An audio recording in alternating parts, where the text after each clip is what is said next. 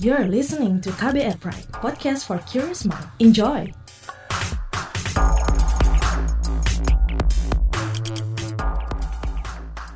Sebelas kementerian dan lembaga menaikkan SKB penanganan radikalisme. Menko Polhukam Mahfud MD menganggap aturan tentang penanganan radikalisme dalam rangka penguatan wawasan kebangsaan pada aparatur sipil negara itu berlaku untuk semua. Mengapa begitu? Lalu bagaimana pemerintah menanggapi takfiri, jihadis, juga Hizbut Tahir? Kita simak wawancara eksklusif jurnalis KBR Agus Lukman dengan Menko Polhukam Mahfud MD. Dalam memerangi radikalisme, pemerintah sudah membuat uh, surat uh, SKB 11 menteri tapi itu sepertinya fokusnya kepada ASN saja atau bagaimana dengan masyarakat sipil biasa? Enggak, enggak ASN.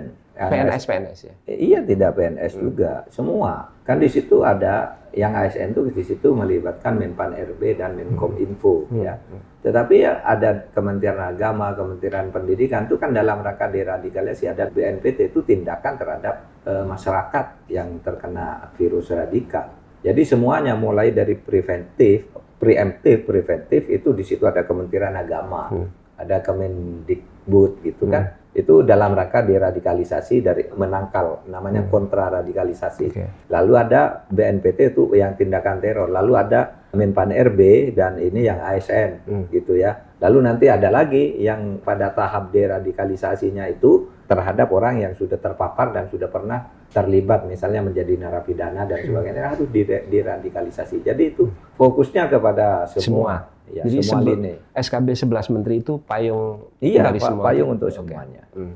Nah, untuk wacana, Pak, kalau hmm. masih ada wacana-wacana khilafah negara hmm. Islam hmm. dan sebagainya itu, bagaimana negara mentreatment wacana-wacana semacam ini? Tergantung bentuk dari wacana itu muncul. Hmm. Karena radikalisme terorisme itu kan e, berfaham dari sebuah ide hmm. yang wacana. Hmm. Nah wacana itu ketika muncul ke publik ada tiga. Satu bentuknya takfiri. Hmm. Takfiri itu orang yang selalu menganggap orang yang lain yang berbeda salah. Hmm. Itu ada hukumnya sendiri. Ada ujaran kebencian, hmm. ada hukum tentang diskriminasi.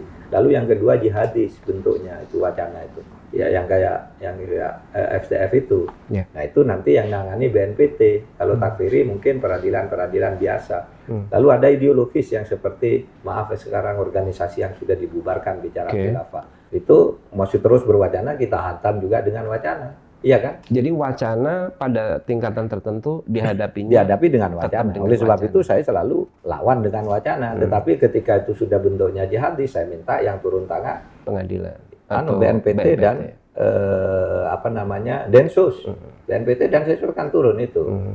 Nah kalau takfir itu ya polisi dan sebagainya itu. Okay.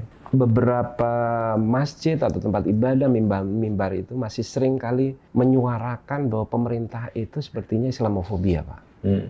Itu masih kedengeran suara-suara itu. Gimana pemerintah menyikapinya? Tidak ada Islamofobia. Saya paling menentang itu. Islamofobia itu kan artinya begini. Islamofobia itu bisa dilihat dari dua. Pemerintah yang Islamofobia itu pemerintah yang tidak suka kepada Islam hmm. dan benci kepada Islam hmm.